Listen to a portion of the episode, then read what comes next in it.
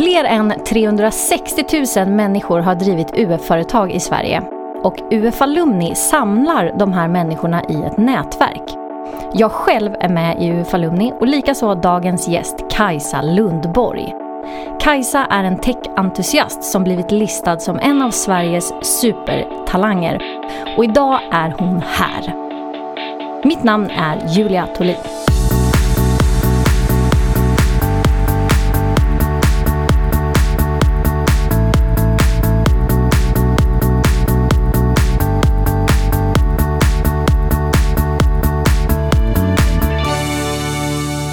Hej Kajsa! Hej Julia! Hur är läget? Läget är bra. Jag känner mig så, så ompysslad här med liksom radioutrustningen och liksom dig framför mig. Det känns eh, riktigt bra. Vad bra. Mysigt. Du kom ju dock från eh, jobbet innan Exakt. du kom hit. Berätta om jobbet. Vart jobbar du någonstans? Vad gör du där? Eh, jag jobbar på ett eh, företag som heter 70 eh, som är en affärsutvecklingsbyrå. Så jag jobbar som managementkonsult. Och det man gör då är egentligen att man går in i olika företag och hjälper dem med allt ifrån hur man bygger produkter, så hur man bygger upp eh, kanske en app, eh, men till att eh, hur de ska tjäna pengar på det här. Så det är egentligen allting kring entreprenörskap i ett, så det är marknadsföring, tech och eh, affärsutveckling. Så det okay. jag med. Men och, bra ändå förklarat så här, eh, ingången i det hela, vad du gör som managementkonsult. Men eh, lite mer tänker jag, för att det är ju trots allt ett väldigt flummigt eh, flummig titel. Ja, verkligen. Jag brukar ofta göra en övning när jag eh, håller så workshops om retorik, där man får öva på att eh, prata om sin titel på ett annorlunda sätt. Istället för att säga så här, jag är managementkonsult, så får man säga, du kan ringa mig när. Och så får man förklara det och anpassa det till liksom den personen som man pratar med. Eh, och då tänkte jag bara på så här, eh, när kan man ringa dig? När, behö när behöver man Kajsa liksom? Mm, det är superbra övning ju. Eh, jag, ja, man kan ringa mig när man, eh, när man behöver hjälp med hur man ska prata om sitt företag, så hur, hur man liksom sätter ett bra varumärke, hur, hur får man folk att faktiskt gilla det vi pysslar med. Och inte bara göra det man gör, men också få andra att veta om vad man gör. Men också hur man bygger upp ett företag som faktiskt tjänar pengar. Så om man har lite svårt att få in eh, slantarna på bordet eh, så kan man ringa mig. Eh, men också om man bygger upp en produkt eller liksom har kanske en väldigt fysisk tjänst men behöver digitalisera den. Så kanske en tidning, kanske inte så många som köper tidningen, man behöver tänka om hur kan den här tidningen få plats i liksom 2017? Vad kan man tänka nytt? Och då kommer vi in dit och tar fram en ny idé som funkar med den digitala världen. Jag tänker att efter den här podden, då ska jag ringa till dig och så ska jag fråga hur vi kan hitta på ett sätt att göra retorikutbildning digitalt. För att man vill ju så här sprida det, eller jag vill ju det, mm. det är det jag jobbar med. Men eh, det är ju svårt eftersom det är liksom det fysiska sammanhang, liksom IRL som det händer och det är det man övar på. Så jag vet inte, det är lite svårt tycker jag att tänka digitalt med någonting som är inte digitalt. Verkligen. Jag tycker att det är så coolt också att se att det går att göra det. Alltså jag tänker bara på, på Headspace som har blivit ett jätteframgångsrikt exempel som är en, ett appföretag från San Francisco som jobbar med meditation. Liksom när man ska vara liksom sen och verkligen bara vara i nuet och så ska man använda en app för det. Det, liksom, det går inte ihop. Men det har funkat hur bra som helst. Jag har faktiskt provat Headspace. Mm. Jag gillar det jättemycket. För det är så här att göra någonting som många tänker är flummigt, meditation, på ett väldigt oflummigt sätt. Exakt. Ja, jag gillar dem. Verkligen. Ja, eh, men eh, okej, okay, så du jobbar på 70 och jag antar Eh, Okej, okay, det är då man kan ringa dig. Men hur går det till? Jobbar du liksom, går ni in i team eller jobbar du mm, ensam med olika företag? Eller hur är liksom din, ehm, vad ska man säga, arbetssituation? Mm. Eh, alltså en, en, stor anledning till varför jag gick till 70 eh, var att eh, just man jobbar så mycket i team. Och jag tyckte att det var härligt. Jag hade drivit företag så innan och gör fortfarande. Eh, men en, en stor del av varför jag tyckte om det och även UF-året och hela den grejen var ju för att man gör någonting tillsammans med många andra. Man har ett starkt team, man har det här uppdraget, man ska förändra någonting. Så vi gör alla våra uppdrag tillsammans. Så just nu så kommer jag från, eh, från mitt team där vi är fyra stycken som jobbar tillsammans. Och då har man olika kompetenser, så man kanske har någon som är jätteduktig på att så här, cruncha siffrorna, verkligen så här, vad, vad är det här liksom, i ett Excel-ark, typ så här, vad, vad är det som är marginalen liksom, på det här. Och sen Mm. kanske man har någon som är lite mer kreativ och någon som är lite mer liksom, techorienterad som oftast är jag. Eh, och så har man liksom olika kompetenser som jobbar tillsammans. Så alltid team. Så du är den som är bra på att tänka eh, digitalt? Ja, tech, tech digitalt och liksom business ur, ja, i, i det, den aspekten. Liksom. Just det. Du sa i förbifarten att du driver företag och har gjort det och har UF-företag. Det är ju lite därför du har, Ja. eller ganska mycket därför du har, att du har drivit UF-företag. Du är UFA Lund. Exakt. Men eh, berätta, du driver ju ett företag som heter Dropship, Exakt. eller hur? Och eh, det tänker jag eh, du ska få berätta om för vad det är för någonting, alltså med dropshipping. För det eh, kände inte jag till så mycket innan jag började så här läsa på mer om dig och göra lite research kring skillnaden på typ en vanlig e-handel och vad dropshipping är. Så berätta. Mm. Ehm, det är faktiskt jättespännande. Det, det är inte så många som vet om det. Jag hade inte heller så jättebra koll på det för, för bara några år sedan. Uh, och det som är egentligen var att uh, jag hade drivit mitt UF-företag uh, eh, och eh, sen så ville jag jättegärna starta upp ett företag men visste inte riktigt vilken idé jag skulle hitta på. Eh, och sen så fick jag reda på just dropshipping och då blev jag jätte, jätte mm, intresserad av vad det var. Och det som det är egentligen det är att du istället för att ha ett stort lager av någonting så kan du göra allting on demand. Så att man kan bygga upp en hemsida, ha sina produkter på hemsidan och sen om, om en kund går in och beställer det, då skapas den efter att du har beställt den. Så att det är mer miljövänligt ur den synpunkten, men också mycket bättre om man inte vill ha så mycket risk på bolaget. Så skillnaden blir ju från, från att du kanske köper upp ett lager på 2000 produkter från Kina. Då kan du göra lite mer marginal på varje produkt så du kanske kan tjäna lite mer på varje produkt. Men då har du å andra sidan lite mer risk. Och skillnaden mellan dropshipping är ju då att du har allting on demand så du har inte alls samma risk så du kan vara väldigt snabb och liksom iterativ i vad du bygger upp för olika e-handlar. Men du har lite mindre kutt på varje produkt. Men ja, Mm. det är egentligen det som dropshipping är och det är superroligt för det verkligen fungerar ju väldigt bra i en digital miljö. Man kan bygga upp många olika idéer och det är det vi gör med dropship. Vi har olika e-handlare. Du ska få berätta vad ni säljer för produkter eller vad ni har för olika liksom, underdelar av det här. Men eh, vi träffade en eh, tjej som är UFA Lund som heter Hanna Jörnhammar. Mm. Eh, som eh, driver ett företag som heter Line Living och säljer linneprodukter. Eh, både, känner du till henne kanske? Ja, hon är så cool. Ja, Älskar kul. Hanna. Det är roligt när det finns folk känner varandra på riktigt i UFA Lundning. Men eh, det är ju då skjortor, lakan och sådana saker gjort av linne. Och hon eh, hade ju bättre koll på dropshipping än vad jag hade. Så att hon, när hon fick, eh, vi bad henne ställa en fråga till dig och då handlade det såklart om dropshipping. Eh, du ska få den här. Hej Kajsa! Min affärsmodell ser ut så att jag köper in linneprodukter som eh, kräver ett lager och som är ganska kostsamt. Så jag undrar egentligen, vad hade du gjort om du var i min situation? Hade du övergått till att köra dropshipping eller hade du behållit det här traditionella lagret? Ja, eh, superintressant fråga. Eh, jag tycker att, att det, dropshipping fungerar ganska bra på, på en typ av verksamhet. Exempelvis så som vi bygger upp det är det väldigt liksom, enkla produkter. Det är ofta sweatshirts, så här, koppar, posters. Alltså det är enkla produkter att trycka upp och göra liksom on demand. Jag tror att med, med Hannas produkter som är väldigt så här, högkvalitativa, fina produkter, då är det nog ganska svårt att göra dropshipping.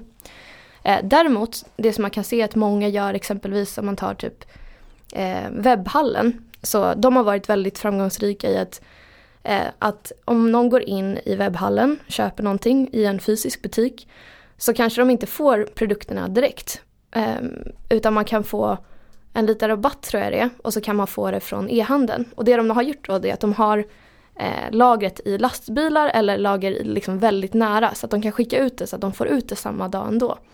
Och där tror jag att man kan jobba med liksom mobila lager exempelvis.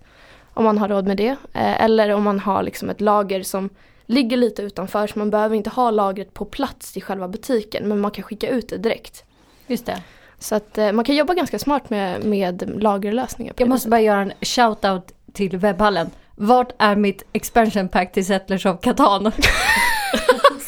Såklart du spelar det, jag älskar Catan också. Alltså jag gjorde exakt så dock. Att jag gick in eh, beställde det där. Mm. Men det kom aldrig. Så det, mm, det var en liten miss. Men eh, själva principen förstår jag. Mm. Det, det skulle ha legat i en lastbil och kommit till mig snabbt. Ja, ja men så på det viset kan man ju ha och sen så vi tittade på det också när vi mm, tittade för vi har ju byggt upp liksom olika typer av produkter. Så ibland har det varit produkter som vi inte visste om vår leverantör hade från början. Och då var det också så här, okej men hur ska vi lösa det? Och det är lite så som Hanna pratar om där att då skulle man ju behöva deala med sin leverantör egentligen. Så där kanske man också kan hitta en deal att så här, om de trycker upp massa produkter och sen så kan Hanna få köpa in dem då med lite liksom högre kostnad per produkt då från, från leverantören. Så att hon det. har inte alla på sitt lager så hon har inte köpt dem än. Men hon kommer få köpa dem för lite mer. Men jag, jag tror inte jag skulle rekommendera det. Nej, inte. Och poängen är att när det är sån typ av eh, högkvalitativa produkter som i Hannas fall så är det bättre att då ha ett lager. Men kanske försöka tänka lite kreativt hur man kan Exakt. hålla ner de kostnaderna. Exakt. Men då måste du berätta, vad säljer ni? Ehm, vi har ju sålt lite olika så vi har gjort allt ifrån liksom så här premium posterföretag där vi verkligen så försökte nis- nischa oss in på typ så här, folk som verkligen var interior junkies, alltså folk som älskar inredning och kanske var lite så minimalistiskt hip, hipsteraktiga. Eh, så då byggde vi ett varumärke enbart för det.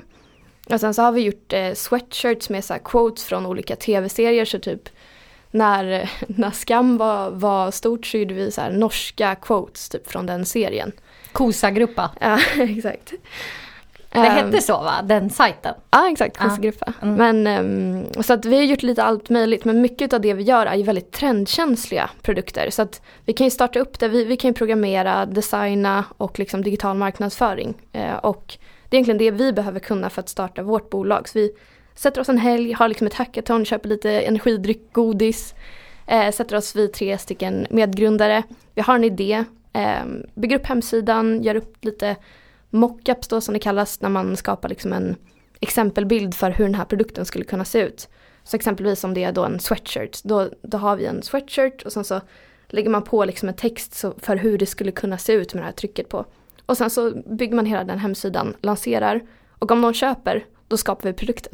Mm, så att ni Så- har inga kostnader innan någon köper? Nej, så att oftast brukar det vara kanske en ny handel kan kosta från 200 kronor till 1 5 kanske att skapa och sen så kan det ju vara, vissa har ju varit verkligen floppar men vissa har ju varit liksom en kvarts miljon på två veckor liksom. Eh, Berätta om eh, vad har floppat och vad gick så bra?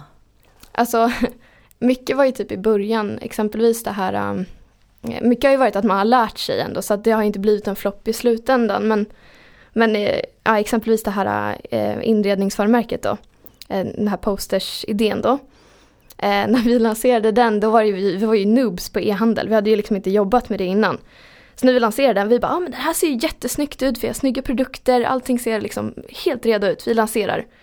Och sen så kunde vi se då om man använder eh, liksom analysverktyg, om man tittar på hur folk klickar runt på sajten, så kunde vi se att det var jättemånga som försvann liksom på en viss sida. Och vi förstod inte varför. Så gick vi in och tittade på den och så bara, men gud, vi har inte tagit upp hur många leveransdagar, alltså hur lång tid det tar att beställa produkten. Vi hade inte tagit upp liksom att vi hade några så här Mastercard Visa-loggor, alltså allting såg super shady ut. men det, var en snygg sida men den hade liksom ingen bra information och vi hade ju helt glömt bort det. Så att, eh, ja, det var ju sånt man lärde sig av. Eh, och det är ju det som är väldigt fint med e-handel, att man kan göra ganska mycket fel som man också kan rätta till. Så det är väldigt bra om man vill lära sig och bli bättre och hela den grejen. Det, har, alltså, det du säger nu, det har man ju som användare verkligen lärt sig. Alltså man, vet, man skulle inte kunna säga de där sakerna, men när man tittar på en sajt så ser man ju verkligen vad är det som gör att det blir proffsigt. Exakt. Jag, te- jag satt med min dator eh, hemma hos min mormor på, på hennes eh, äldreboende och så hade jag Facebook uppe. Och sen så reklambannersarna på ena sidan, där var det så här en blond tjej som typ hånglade med en kille och så var det så här typ Match.com eller någon sån där sajt. Mm. Eh, och eh, hon så här, är det där du? För att hon hade liksom inte förmågan att se att det där är en annons. Jaha, Det är ju ja. också någonting som man har lärt sig att Verkligen. se på en sajt, vad det var. Det där är annonser, man ser ju det direkt men man vet inte riktigt vad det är som gör det. Verkligen. Och Jag tycker att det, det är också intressant ehm, när jag ehm, pluggade tidigare så fick vi lära oss ganska mycket om hur, hur man har för, eller vad man har för beteende när man tittar på en sida. Och där kan man också se på väldigt många liksom i, ja, som har använt, har varit liksom aktiva på internet och digitala produkter och så ganska länge. Att man inte tittar på vissa ställen på datorskärmen just på grund av att det ofta brukar vara banners och reklam där. Mm. Så att um, det är superintressant, jag håller med. Men du, jag tänkte på det här också. Ofta, alltså det som jag har här, läst om dig eller lyssnat på någon tidigare podd och sådär. Då är det oftast att det tas upp så här. Hur blev du så himla intresserad av det här med tech? typ, att det är en sån eh, jäkla grej. Att du, och så blir det så här, du tjej tech. Och så har du också blivit, fått utmärkelse för eh, att vara så här, årets IT-tjej och sånt där. Eh, men när jag så här funderar lite på det, är det inte bara så att eh, du alltid har varit i den miljön och det är typ det naturliga. Ja, exakt. För alltså. att man liksom blir det man är i. Och sen så råkar det vara så att det är massa tjejer som inte så ofta är i sådana miljöer och då blir man inte intresserad av det. Exakt, alltså verkligen. Och det är ju, jag tror att eh, för min del så jag har inte riktigt tänkt på det för att båda mina två, jag är så sladdbarn så jag är 10 och 12 år yngre än mina bröder. Och eh, när de, de var ju liksom de, de coolaste personerna på jorden när jag var liten eftersom de var så mycket äldre, man ville alltid vara som de äldre. Och de var jätteintresserade av, av eh, så här, datorspel och IT, liksom, de byggde på sina egna datorer, alltså du vet. Så, så det blev ju liksom att jag tänkte att så här, om man vill vara cool då ska man vara som dem. Så mm. jag har ju bara vuxit upp i den miljön och så har jag blivit intresserad. Men det är ju precis som du säger, det är ju bara liksom så som jag har haft det. Så det är ingenting jag har aktivt tagit ett val kring. Så. Det är inte att du har varit på andra sidan och bara i den här branschen så finns det typ inga tjejer. Nu ska jag upp till kamp. Exakt. Utan det har varit naturligt. Det har varit lite, lite annorlunda. Ja. Men eh, jag vet ju trots allt att du är väldigt engagerad i frågan att så här, men hallå brudar, skärp er. Vi kan också göra det här. Ja, och peppa på det liksom. Mm. Ja, och det, det var mest för att jag tycker att det är så himla synd att det inte är så många för att det är verkligen jag tror att mycket handlar om att man har en skev bild av vad IT eller tech är. Liksom. Att många tänker att, att tech behöver vara liksom att man sitter med en stor hoodie och dricker Jolt Cola i ett mörkt rum liksom, och spelar Counter-Strike. Det är inte det som det behöver vara utan... Liksom, Förutom när ni bygger era dropships. ja, exakt, men det är inte Jolt Cola, det är inte det. Eh, men, eh, men, men också att man, man ska se ut på ett specifikt sätt. Liksom. Man, man har mycket så här, man har en stark stereotyp kring det. Eh, men, men exempelvis så som jag jobbade, jag har ju ett superkreativt jobb med utgångspunkten från tech. Liksom, så, okay, men, ja, men exempelvis liksom, den här tidningen. Liksom, eller om vi tar retorik, så här, vi har en massa retorikutbildningar. Det här går jättebra idag men vi skulle vilja nå ut till ännu fler. Vi vill inte bara nå ut till folk i Sverige eller i den här staden.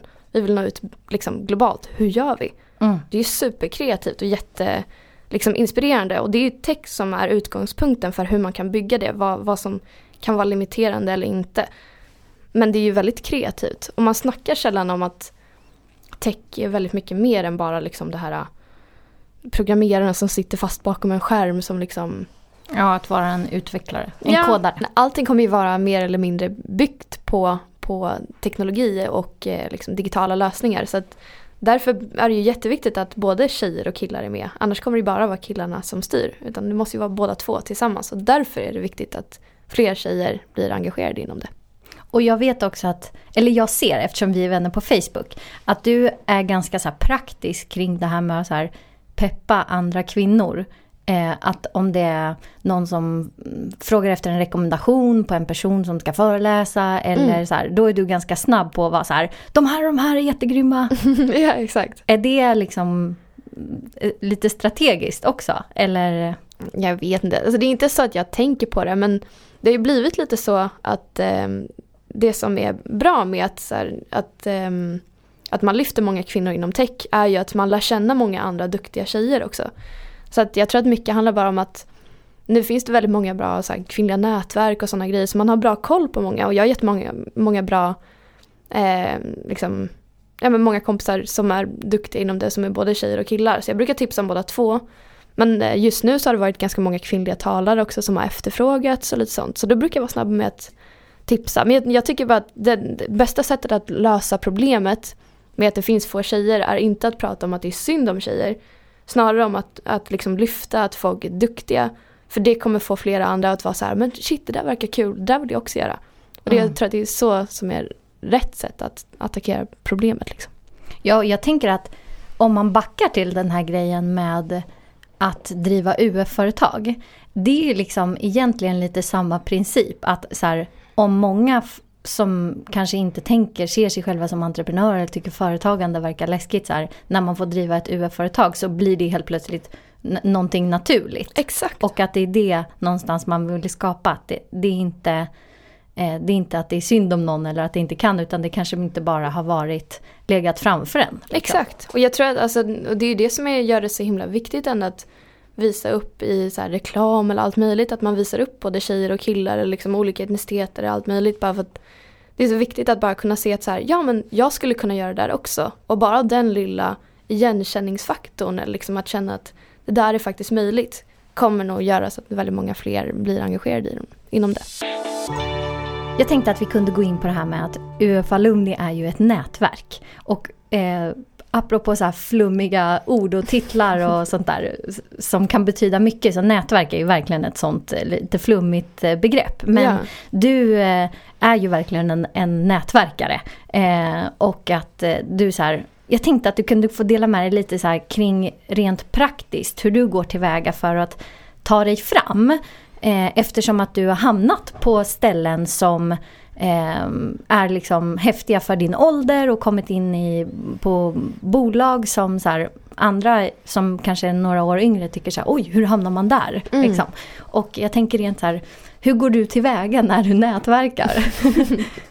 ja, eh, den är svår. Men jag tror att det som har varit, eh, jag, jag, lyssnade på en föreläsning när jag gick i gymnasiet. Där det var en, en kille som pratade om förebilder. Eh, och eh, att här, eh, han pratade om att han aldrig hade känt igen sig i att man hade en förebild som liten. Exempelvis att när, när jag växte upp så hade jag, jag såg liksom inte Britney Spears eller Spice Girls som mina, liksom, det är sådana som jag vill bli när jag växer upp. Utan snarare att ha många olika förebilder. Att så här, Julia, fan, hon, är, hon är riktigt duktig på det här med retorik. Alltså hon, hon kan verkligen tala bra. Liksom. Så som hon gör det, det vill jag lära mig av. Och sen kanske man har någon annan som är jätteduktig på, jag vet inte, hur man bygger bolag eller vad det nu kan vara. Liksom. Eh, men jag tror att det är det som har varit mycket av mitt framgångsrecept om man kan kalla det så. Att eh, verkligen anamma att man kan lära sig mycket av väldigt många olika. Och att eh, så fort man träffar en människa, så man, när man går därifrån, bara, att man får den här bra känslan att man blir lite mer peppad eller att man bara vill... Ibland, vissa människor kan jag få så mycket energi av att jag bara kan gå ner för en gata och känna att jag vill så high-fivea folk på gatan. Mm. Och då vet man ju att det här är en person jag borde träffa igen. Och då är det bara att slänga iväg ett meddelande och säga kan vi ta en kaffe eller kan vi ta en fika eller ta en lunch. Och säga att man tycker att den personen är cool eller att man får bra energi av den eller vad det nu kan vara. Och oftast så brukar folk bli väldigt glada. Och i synnerhet om det är folk som kanske är mycket äldre än en eller som har kommit mycket längre i sin karriär. Så är det många också som blir smickrade av tanken att så här, gud hon vill lära sig någonting av mig. Ja men det är klart jag ska träffa henne. Så att eh, du ser inte på nätverkande som att här, man är på ett stort event, man har packat sina visitkort, bara nu kör jag. Nej exakt. Och sen att eh, exempelvis eh, min kollega Rickard han brukar ofta säga att så här, gud Kajsa du, du verkar ha så himla många vänner. Eh, och jag, jag tycker inte att jag har liksom, särskilt många vänner men det är att jag ser alla som jag träffar som människor som jag bryr mig om. Alltså jag ser liksom, människor som jag har träffat en, två gånger som mina vänner för att jag bryr mig genuint om dem. Jag inspireras av dem.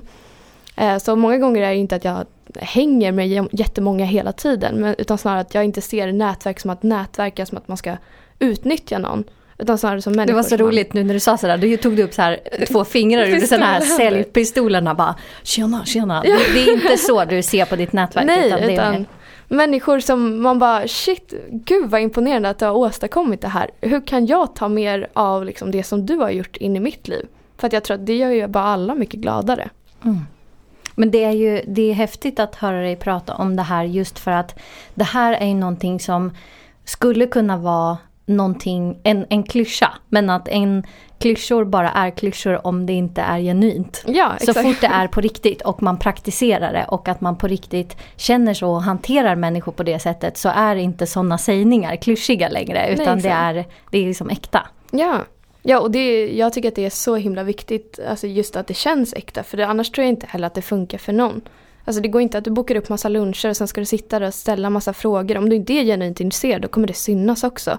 Så träffa människor och var i sammanhang där du känner att du får energi och så kommer det ge dig energi också.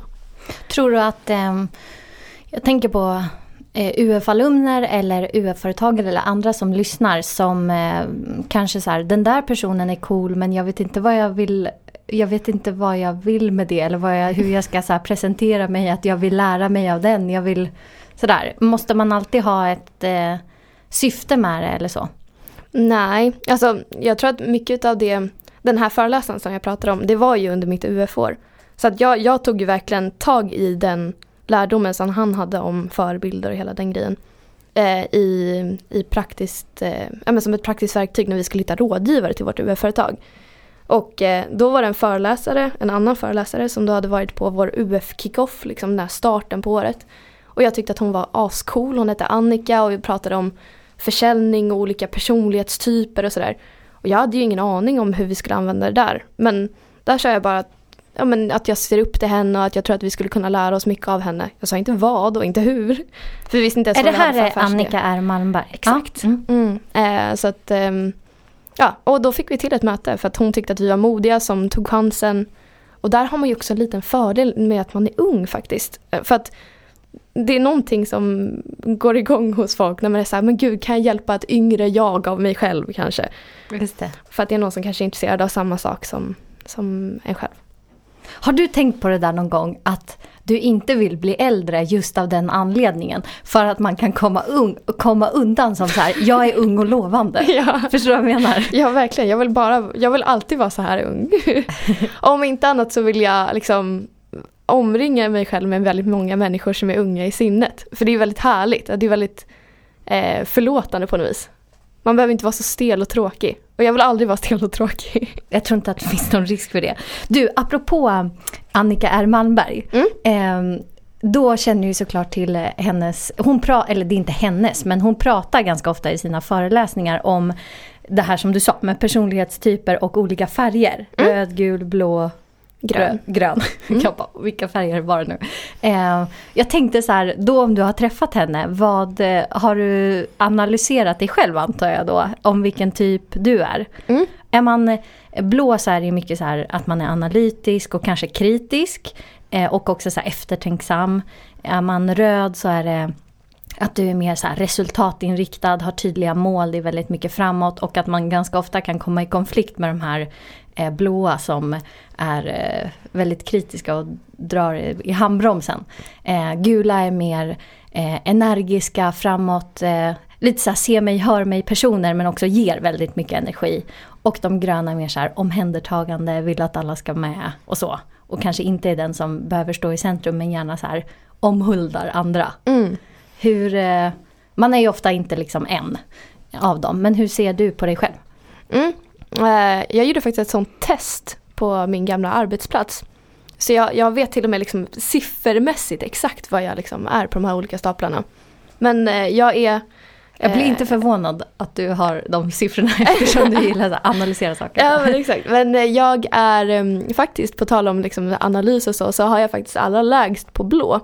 Eh, men allra högst på gul, eh, men med tight efteråt eh, grön och röd och lite mer på röd. Så jag är mest gul och röd. Så jag är ganska så här målinriktad, tycker om att ta mig någonstans men är väldigt så här, jag vet inte, tycker att det är roligt att vara runt människor, ganska socialt, väldigt så här kreativ, nya idéer och sådär. Så att um, de två. Men sen så har jag alltid varit väldigt mycket för gruppen. Men jag är, jag är lite dålig på struktur exempelvis. Som en blå person annars skulle vara mycket bättre på. Men jag övar på det. Men hur är det då i eh, teamet där på 70? Är du bra på att... Eh, eh, för jag tänker dels på att man kan ju vara verkligen en person privat och en på jobbet. Alltså att de här olika delarna av en själv skiftar. Så Mm. är det ju såklart. Men just på 70 är du... Blir du förbannad på de blåa som drar i handbromsen? Eller har du liksom... Någonstans vill man ju komma till att man eh, kan dra nytta av varandras egenskaper. Ja, alltså faktiskt inte. Utan jag har nog alltid varit så att jag har insett att jag fungerar väldigt bra med blåa personer. Eh, så att eh, de flesta som jag jobbar med är blåa. Eh, och Jag tror att eh, exempelvis i vårt företag och även i mitt UF-företag så har man alltid varit så att jag är duktig på att säga okej okay, men vi har det här problemet, ja, men då borde vi prata med den här personen så kanske jag känner någon som har jobbat med det. Eller att, eh, liksom, att jag kommer på lite idéer och sen så börjar man springa på dem. Men jag behöver nästan någon som är bakom mig som samlar upp alla de här olika bollarna. Eller som ibland ifrågasätter mig, så här, men är det här rimligt?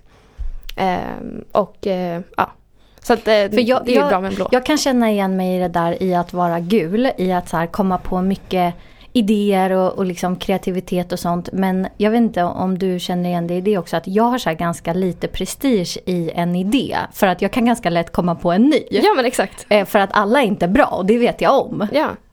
Och att då kan det, då är det så skönt med de här blåa som kan sortera ut. Exakt, det är superskönt. Och jag tror att det, det är också verkligen typ det bästa man ska ha med sig. Att inte försöka fokusera på det man är dålig på. Att jag, jag måste hålla liksom alla mina jag måste, ju, jag måste se till att jag är så pass strukturerad så att jag fungerar. Eh, så att jag är jätteduktig på att ta anteckningar så att jag kommer ihåg allting och kan följa upp så att jag inte tappar bollar och sådär. Men det är inte det jag ska jobba med primärt. Jag skulle vara en jättedålig administratör. Jag skulle vara en jättedålig person som liksom bara skulle ha koll på alla detaljer för jag skulle tappa hälften. Men jag ska snarare vara liksom den som är längst fram som liksom springer, springer framåt och ser till att vi tar oss någonstans.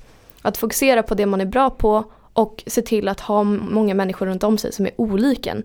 För det är då man kommer lyckas med det man pysslar med. Snyggt. Eh, vi kan eh, avsluta med mm. att du bara ska få lite så här kort sammanfatta. Vad, vad gjorde du i ditt UF-företag? För vi hade kommit in på att ja, du är ett UF-företag och mm. så vidare. Men vad var det om det är någon som undrar? Vad, vad hade du för affärsidé? Mm. Eh, vi gjorde ett, ehm, en, en app eh, så att man ehm, vi tappade ofta bort mina skåpsnycklar på tal om struktur. Så tappade vi ofta bort eh, våra eh, skåpsnycklar i vårt team. Eh, så då ville vi göra en nyckelhittare och vi visste att det fanns många nyckelhittare där ute. Men då var det oftast att man hade typ en, en knapp som man hade hemma som man la någonstans där man kunde ringa på nycklarna. Eller att man hade liksom ett, en grej i plånboken som man hade med sig där man kunde ringa på nycklarna. Men oftast då förutsatte det att du hade koll på den andra grejen. Alltså den andra liksom, mottagaren som du skulle då ringa efter nycklarna med. Då blev det en annan sak att tappa bort. Exakt, och det, det funkar ju inte. Så då var vi så här, okej okay, men alla, liksom, telefonen har man ju ändå alltid med sig. Eh, ja men så här, hur kan man göra det? Så då byggde vi en app för det. Eh, och eh, kopplade upp eh, bluetooth och GPS-mottagare mot en app och gjorde så att man kunde ringa det. Så det började som en nyckelhittarlösning, slutade upp med att Vissa använder det istället som ett, typ ett cykel, så här cykelförsäkring. Så man la den inuti cykelramen för att se vart, vart cykeln var någonstans om den skulle bli stulen. Så man kunde se på en karta om den hade flyttat sig. Okej. Okay. Eh, men... Eh, den kunde användas till flera saker. Exakt. Eh, men det, det var superkul. Det var inte så här, vi tjänade verkligen inte mycket pengar alls. Men man lärde sig helt galet mycket. Och eh, där fick jag verkligen blodad tand för entreprenörskapet. Så jag är så tacksam för, för UF. Jag skulle inte ens varit i närheten av det jag är idag om jag inte skulle ha gjort det.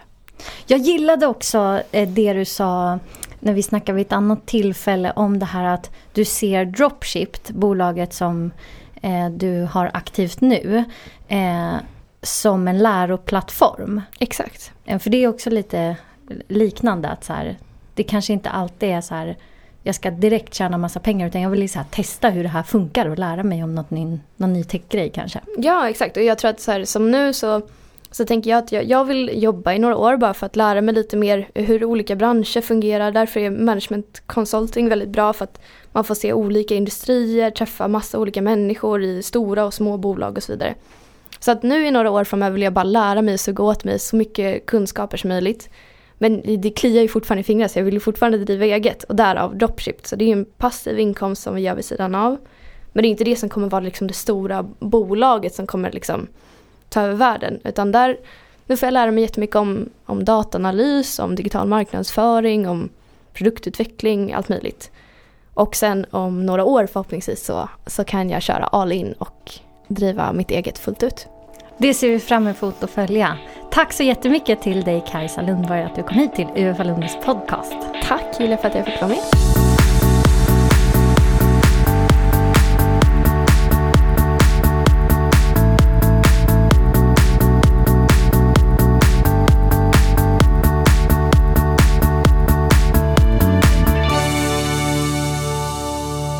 Och Kajsa har faktiskt träffats tidigare på UF Alumnis nätverksträffar. Är du UF-alum så ska såklart du också hänga på. Se vad som är på gång i närheten av dig på ungföretagsamhet.se ufalumni. ungföretagsamhet.se ufalumni.